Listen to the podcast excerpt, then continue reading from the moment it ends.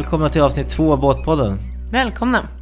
I förra avsnittet pratade vi ju mycket om hur nybörjare kommer ut på sjön och hur man lär sig det man behöver kunna. Mm. Bland annat pratade vi om sjövett, säkerhet, ett så kallat körkort, förintyg och kustskepparintyg. Det nödvändiga man behöver kunna i från sjövett och grundlig säkerhet. Hur man går tillväga om man vill ta sig ut på sjön. Ja, På ett säkert sätt. ja. Ja. Men i dagens avsnitt ska vi prata om eh, trender i båtvärlden. Mm. Men innan vi går in på det så kan vi nämna att vi finns på sociala medier på Instagram och på Twitter. Att Båtpodden. Precis, där kan ni hitta oss. Eh, ni kan se lite bilder kopplade till våra avsnitt och ni kan kontakta oss. Mm. Skriv jättegärna till oss och tipsa om vad ni vill att vi pratar om. Eller om det är någonting som ni inte förstod i något avsnitt så kan ni ställa frågor också. Mm. Do it! Så, vad har vi för trender i båtvärlden idag? Ja, det finns ju mycket som händer i båtvärlden. Det finns ju många olika trender. Många har ju med elektronik och el och sånt att göra. Mm. Och tekniken går ju snabbt framåt. Det kommer med digitaliseringen. Ja. Och även att batteritekniken blir bättre och bättre. Mm. Gör att det öppnas nya möjligheter. Så det blir mycket spännande saker som vi har sett på båtmässorna i Stockholm och Düsseldorf till exempel. Om vi börjar med själva båtdesignen, vad har vi för trender där? Ja, i och med att miljötänket blir mer och mer eh, intressant. Så handlar det om att försöka få ner utsläppen och då handlar det om att göra effektivare skrov, mer stegade skrov, katamaransskrov, bättre skrovkonstruktioner. Det gillar vi. Det krävs mindre energi, det är både en fördel för motorbåtar och segelbåtar. På segelbåtar använder man mycket sådana här foilande skrov, alltså Mm. olika bärplan som man kör ner i vattnet på något sätt. Det kommer även till viss del på motorbåtar, framförallt elmotorbåtar. Där är ju enda sättet med dagens teknik att kunna komma tillräckligt fort framåt och tillräckligt långt är att få ner vattenmotståndet. Tror vi att våra lyssnare vet vad foilande innebär? Ja, det innebär att man har ett, ett bärplan, det är alltså som en, eh, en vad ska man säga, en, en slags bräda eller skena som man för ner i vattnet som trycker upp båten ur vattnet. Så att stora delar av skrovet eller nästan ingen alls del av skrovet är i vattnet. Avsevärt minskat motstånd. Exakt. Vilket innebär mer fart till mindre mm, energiförbrukning. Ja, och i segelbåtar innebär det ju framförallt mycket mer fart och i motorbåtar mindre förbrukning av bensin eller el då. Mm. Och det är framförallt på elmotorbåtar som det kommer komma. Det har inte kommit så många ännu men det är många som är på gång. Det finns ju tre svenska projekt igång. Mhm. Det mest kända är det här Candela-projektet på Lidingö. Där några entusiaster driver ett projekt med motorbåtar, eller en motorbåt som ska gå på bärplan och drivas med elmotor. Coolt. Och Det ska- kommer ju allt från surfbrädor till små optimistjollar har jag sett med sådana Mm. här centerbord. Jag har sett mer. Det finns ju även eh, en del satsningar där man försöker bygga om segelbåtar så att de inte har ett drev. Alltså traditionellt har ju en segelbåt en motor inne i båten som leder ner energin eller kraften från motorn med ett drev ner under vattnet för, till en propeller. Medan med e-, eltekniken så kan man ha batteripack in i motorn eller in i båten och sen under vattnet har man en liten motor som då sitter till exempel i rodret istället. Mhm. Då behöver man inte ha det här eh, drevet som går ner utan det är bara tunna elkablar som man kan dra in i roderaxeln. Jesus. Då blir det också lättare att styra, till exempel Ja. när du backar och så. Och lättare när någonting går sönder. Kanske. För det går sönder på båtar. Mm.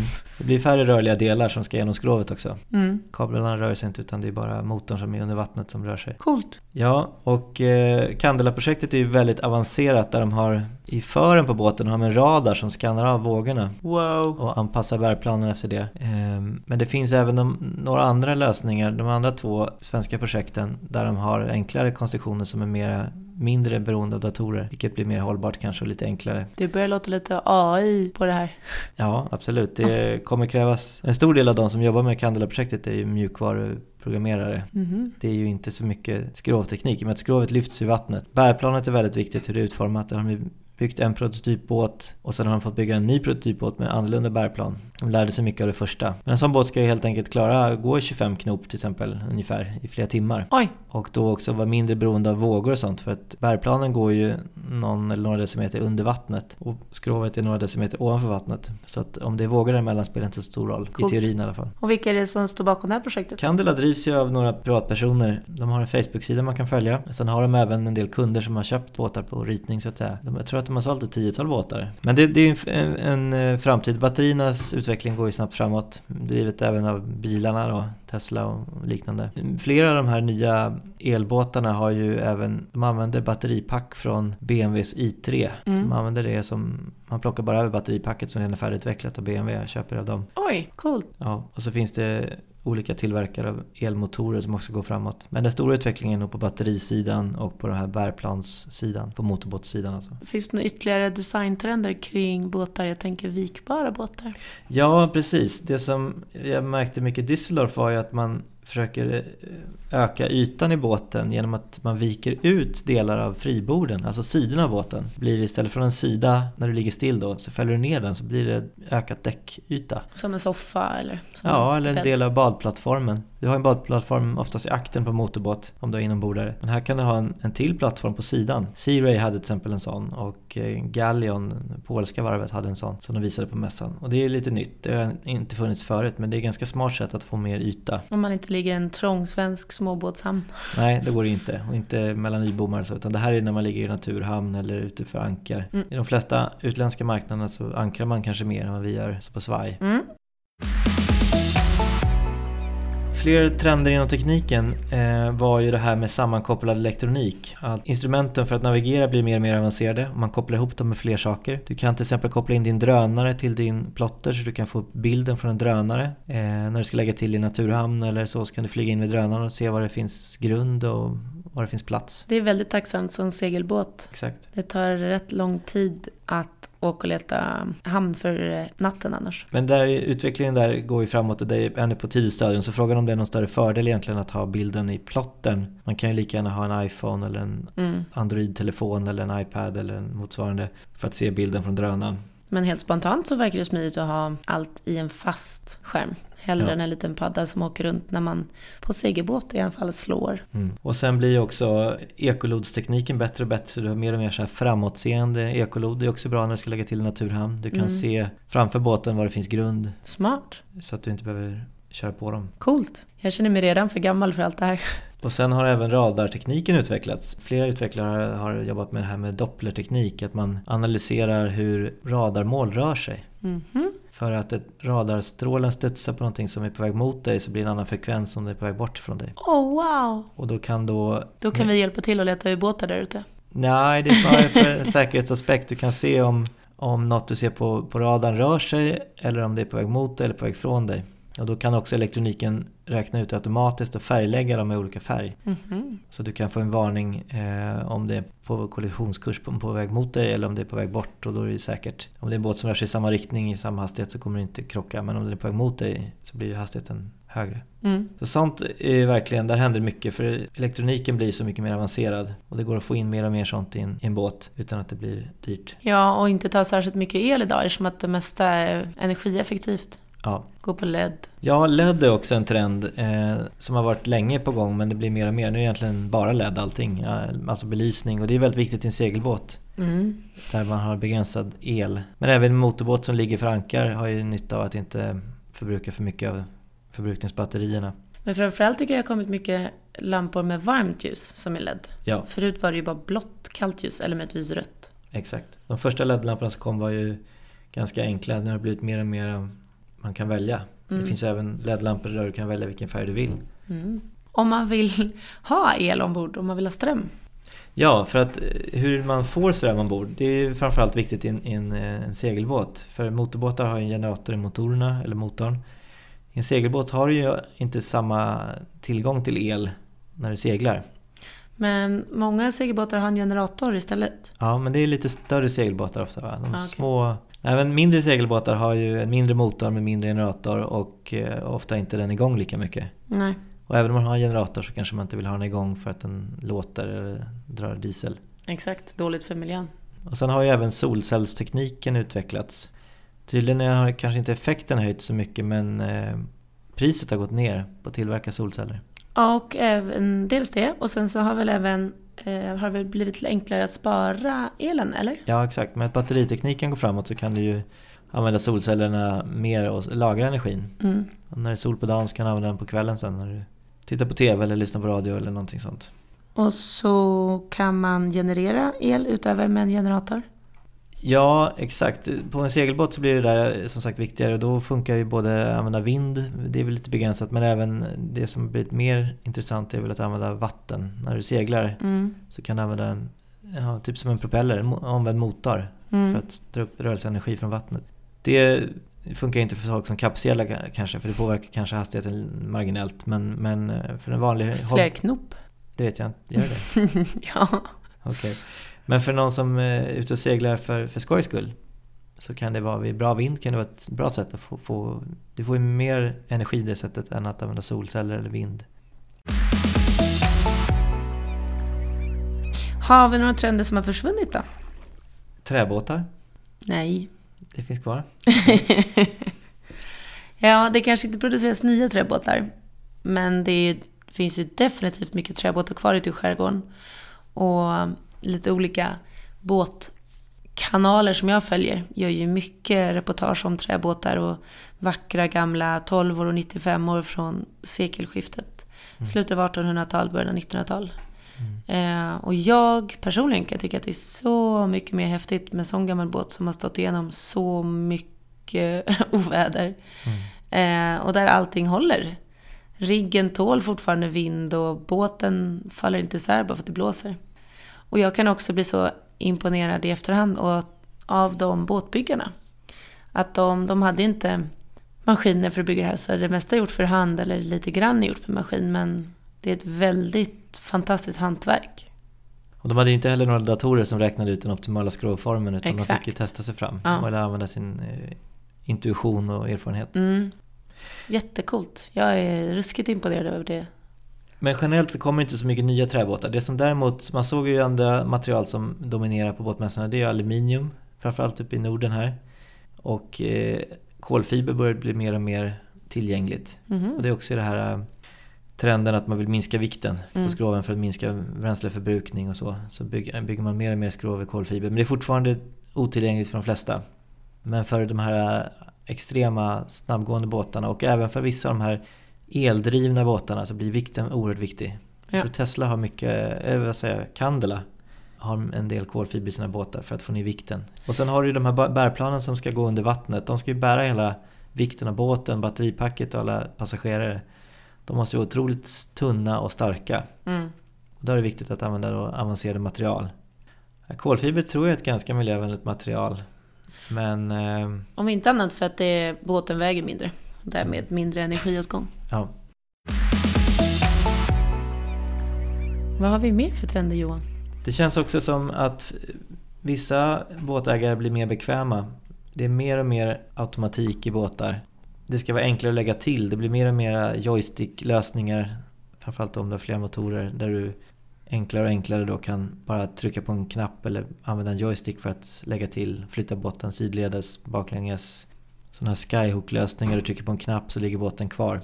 Till exempel om du går in i en hamn för att eh, lägga till eller naturhamn för att ankra så vill du kanske stanna båten där den är och sätta ut fändrar och fändra av och eh, plocka fram tampar och göra ordning besättningen på att lägga till. Då kan du trycka på en knapp och så håller sig båten på exakt samma ställe. Den ligger och hovrar. Ja, och det krävs ju då att GPS-systemet är ihopkopplat med motorerna på något sätt.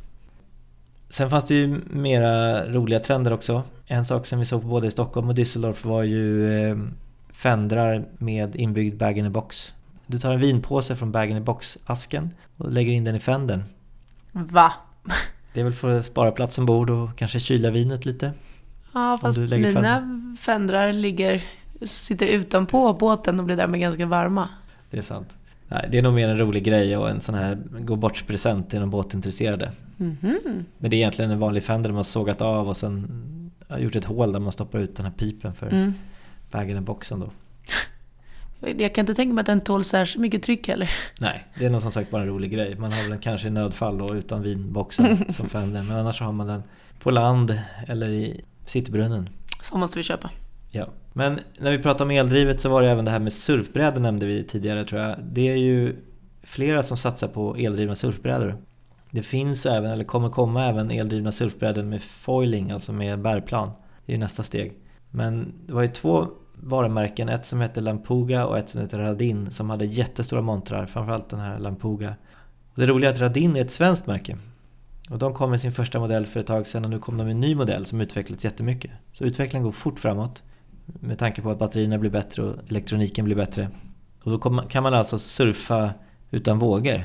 Man kan köra omkring på en sjö, man kan köra upp på vågorna och vända och sen surfa på vågorna tillbaka och så vidare. Och man kan styra dem med en fjärrkontroll. Supercoolt! Ja, det kommer bli rätt häftiga lösningar tror jag. Men det blir ju kanske en typ av leksaker. Men det kommer kanske leda till saker som vi inte kan föreställa oss ännu. Men... Ja, jag ser redan framför mig. Kaos på sjön. Ja. jag år... kan tänka mig att det blir många... Det kommer bli svårt att se alla som åker runt ut på sjön och det kommer bli svårt att beräkna avstånd eh, till en eventuell krasch. Men det får väl bli att störst går först och alla mindre snabba får hålla koll. Ja, vi kan gå tillbaka till förra avsnittet och lyssna på Sjövett där. Perfekt. Nej men eltekniken ger ju en massa nya möjligheter som inte fanns bara för tio år sedan. Och det kommer nog fortsätta eh, och ge ännu mer saker som vi inte har tänkt på. För några år sedan kom ju eldrivna kajaker. Och det ledde till saker som man inte har tänkt på. Att man kan till exempel åka upp för en fors. Mm. Och eh, sen åka, paddla nerför. Så man kan åka fram och tillbaks. Stänga av elmotorn när man kommer upp. Du kan också stå stilla i en fors till exempel och fiska. Ja, det finns ju en spännande trend också att man vill ha mer amfibiska båtar. Alltså båtar mm. som kan köra upp på land. Mm.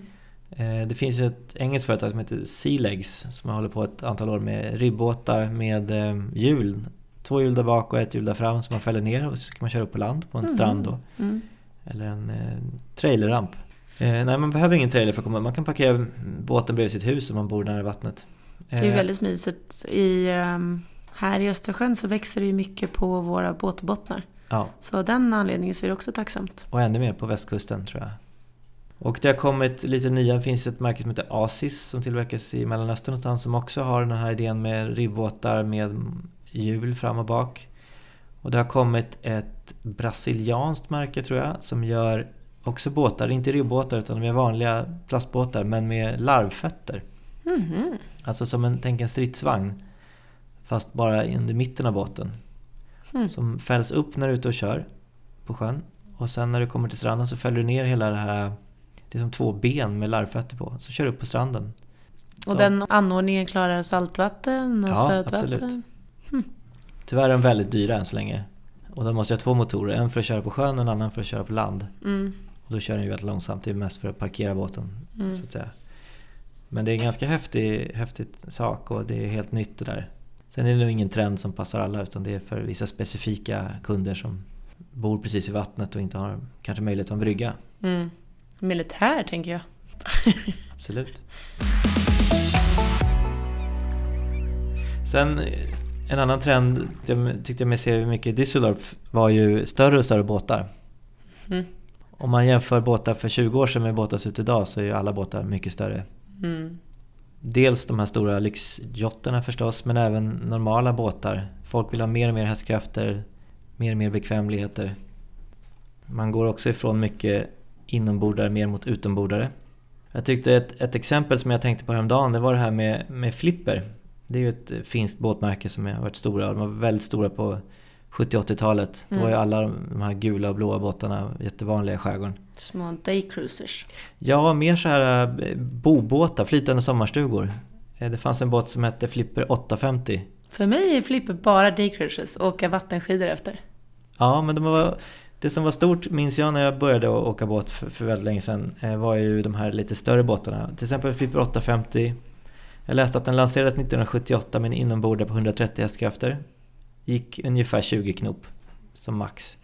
Och folk körde kanske 15 knop och var nöjda med det. Man tog sig ut i skärgården och, och solade och badade den hade gott om sovutrymme. Den hade sovutrymme där bak för barnen och en sovutrymme där fram för föräldrarna och, och gott om plats däremellan med att äta mat och, och umgås.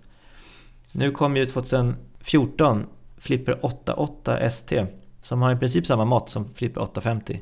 Men den har två utombordare på max 600 hästkrafter. Mm. Och går ungefär 50 knop. Mm. Så nu räcker det inte att kunna köra 15-20 knop utan man måste kunna köra 45-50 knop. Men det är samma upplägg, man har sovkabin där bak för barnen fast den är lyxigare nu för tiden. Man har sovkabin där fram för föräldrarna fast den är lyxigare. Allting är lite finare men det är egentligen samma upplägg. Och fortfarande krävs inget förarintyg. Nej.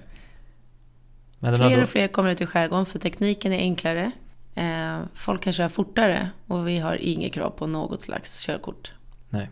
Och det blir också lättare för, för oerfarna med, om du har dubbla utombordare kan du ha en sån joysticklösning för att lägga till en hamn. Har du en enkel inombordare på 130 hästkrafter i en sån båt så måste du kunna lägga till om mm. det blåser lite. Mm. Men har du 600 hästkrafter och en joystick så kan ju vem som helst lägga till. Gud så bra. En annan trend i, i båtvärlden är ju enklare och enklare underhåll. Det är mycket aluminium. Det gillar vi. Ja, framförallt här i norra Europa är det väldigt bra att när det blir kallt och påväxt och sånt att ha en båt som är lätt att göra rent. Eller om du slår i något när du lägger till på någon klippa. Eller bara för att det är segt att polera plast. Ja. Så aluminium var en stor trend, framförallt på Stockholmsmässan. Och i Finland så läste jag någonstans att mer än hälften av alla nya båtar som säljs är aluminiumbåtar. Mhm. Och Finland ligger lite före så det kommer, den trenden kommer nog komma igen i, i de andra nordiska länderna också.